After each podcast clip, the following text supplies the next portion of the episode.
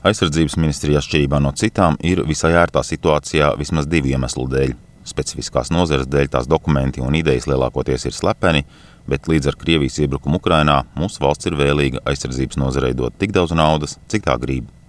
Viens no jaunākajiem, nu jau vairs pusslepenajiem plāniem ir izveidot valsts uzņēmumu munīcijas ražošanai. Ministrijas valsts sekretārs Jānis Garisons Latvijas televīzijai gan izteicās, ka valsts kapitāla sabiedrība varētu procesus koordinēt, nevis pati ķerties pie ražošanas. Ar karu Ukrainā veidojas ļoti liels deficīts.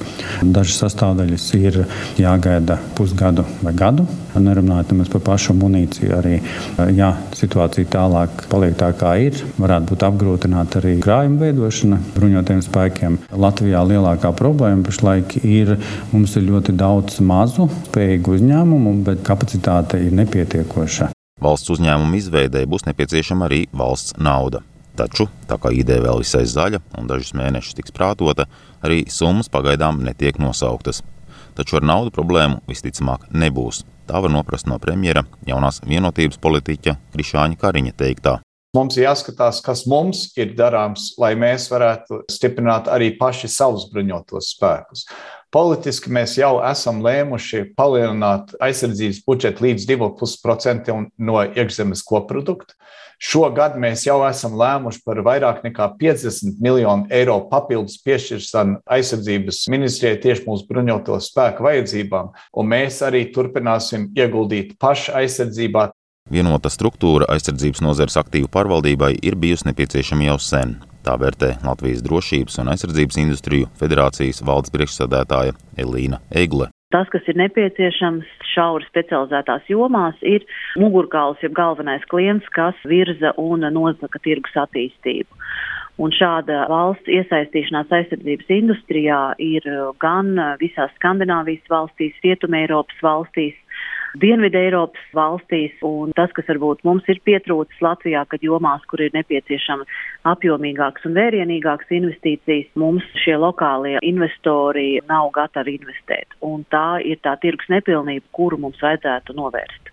Vienkāršāk runājot, aizsardzības industrijas uzņēmumi atbalstītu valsts aģentūras vai uzņēmumu izveidi ar mērķi apkopot valsts militārās vajadzības un mērķtiecīgi investēt ražotājos. Mērķis nav kanibalizēt tos procesus, kas notiek privātajā sektorā un brīvajā tirgū, bet tieši viņus atbalstīt caur valsts investīcijām.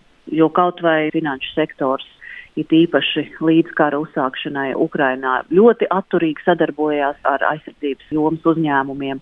Šeit tā situācija, ka bez valsts atbalsta, valsts iesaistes maziem vidējiem uzņēmumiem ir ļoti grūti attīstīt jaunus produktus.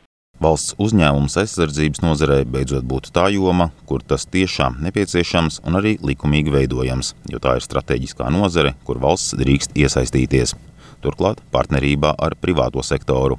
Tā saka Baltijas korporatīvās pārvaldības institūta Latvijas pārstāvniecības vadītājs Andris Grafs. Tas lielais jautājums, kas, protams, šobrīd nav skaidrs ir par to, kādā veidā šī partnerība tiks īstenota, kā tad šajā dibināšanas procesā piesaistīts privātos uzņēmumus, kurus privātos uzņēmumus un kādi būs nosacījumi, finanšu ieguldījumi un arī šie scenāriji, lai šie partneri vienā brīdī arī izvēlētos, piemēram, iziet no šī biznesa šim uzņēmumam ir jādarbojas tikai un vienīgi uz tādiem tirgus nosacījumiem, nevis kā valsts iestādē vai aģentūrai, tāpēc tādi skaidri mērķi, biznesa modelis, kas orientēs ne tikai uz vietējo Latvijas tirgu, bet arī starptautiski ir ļoti, es pat teiktu, izšķiroši svarīgs aspekts.